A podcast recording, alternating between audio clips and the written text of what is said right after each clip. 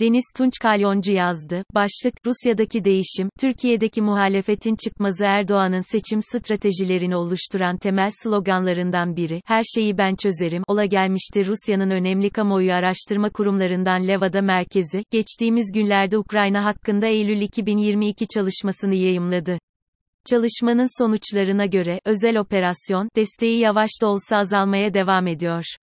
Hatta askeri eylemlere devam mı edilmeli yoksa müzakerelere başlanmalı mı sorusuna %44 askeri eylemleri tercih ederken, %48 bir an önce müzakerelere başlanmasını, müzakerelere başlanmasını tercih edeceklerini belirtiyor. Putin'in kısmi seferberliğin iki hafta içinde sona ereceği söylemi, toplum içinde artan huzursuzluğun bir görünümü. Ancak, halk genelinde yavaşça değişen eğilimin yanında Rus ordusundaki ve güvenlik bürokrasisindeki değişimler farklı bir eğilime dikkat çekiyor. Bu değişim, birileri için fiyaskonun sonucu olsa bile yeni gelenler için ortaya sunabilecekleri kendi kahramanlık hikayelerine işaret ediyor, onları mümkün hale getiriyor. Fakat bu isimler, geçici süreyle koltuğu devralmaktan öte, Rusya içindeki yerlerini ve ağırlıklarını pekiştiriyor ve yıllara yayılacak dönüşümün bir takım taşlarını döşüyor. Dünya barışının bulanıklaşması, savaşın ve kargaşanın olağanlaşması tehlikeleri gün yüzüne çıkıyor.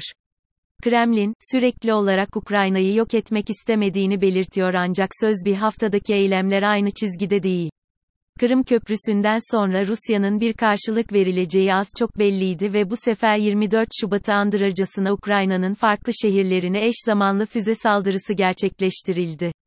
Yalnızca enerji tesislerinin değil, şehir merkezlerinin de vurulduğu bu haftada, Kiev yönetimi ile Ukrayna halkı arasında aylardır fark çizmeye çalışan Rusya'nın bu konuda başarılı olabildiğini söyleyemeyiz. Savaşın ilk günlerinde, Ukrayna ordusu bile bir diyalog aktörü olarak Rusya'nın seslenmeye çalıştığı bir oluşumken, şimdi sıradan Ukraynalıların hayatı etkilenmeye devam ediyor. Bu çıkmazın sonunda, masadakilerin savaşın devamını talep ettiği yerde savaş masasını bir barış masasına dönüştürmek en azından kısa bir süreç içinde pek mümkün gözükmüyor. Diğer taraftan, son günlerde Türkiye'de en çok tartışılan konulardan biri aylardır yükselerek devam eden Putin-Erdoğan ilişkileri. Sırada, Türkiye'nin bir gaz merkezi olup olamayacağına ilişkin tartışmalar mevcut.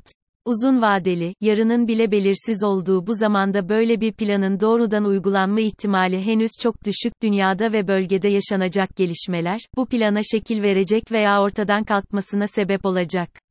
Bunun yanı sıra, muhalefet, bu ilişkilere dayanarak 2023 seçimlerine dair Putin müdahalesi üzerinden yorum geliştirmeye çalışıyor.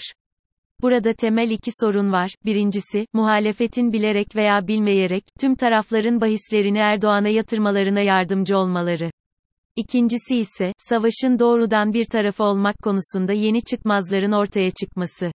Önce ilkinden başlayalım. Erdoğan'ın seçim stratejilerini oluşturan temel sloganlarından biri, her şeyi ben çözerim, ola gelmiştir. Muhalefet, bu mitolanca gücüyle yardım etmeye devam ediyor. Bu yalnızca Türkiye-Rusya ilişkileri açısından bir gelişme değil, aynı zamanda bunu gören ve hisseden Batı ülkelerince de 2023 sonrasının Erdoğan ile kurgulanmasına yol açacak bir süreç niteliğinde.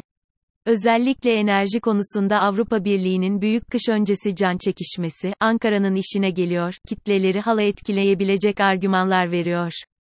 Son haftalarda yayımlanan anketlerde kararsız seçmenin AKP'ye geri dönmesi ve muhalefetin uzun bir süredir yerinde sayması da, Türkiye ile ilişki üreten ve Erdoğan konusunda çekimser kalan veya şerh düşen ülkelerin de motivasyonlarını Erdoğan'dan yana kullanmalarına yol açıyor. Muhalefetin Ukrayna lehine ve Rusya aleyhine olan açıklamaları, ortaya bir plan sunmaktan öte yalnızca sıralı cümleler olarak kaldığı müddetçe, Batı'nın da Erdoğan ile pazarlık yapma ihtimalini yaratıyor.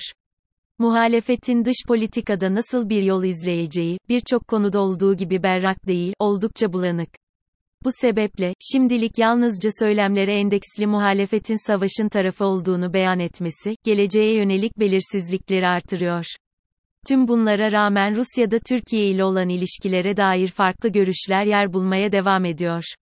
Bunlardan en önemlilerinden biri, muhalefetle de temasa geçilmesi gerekliliği.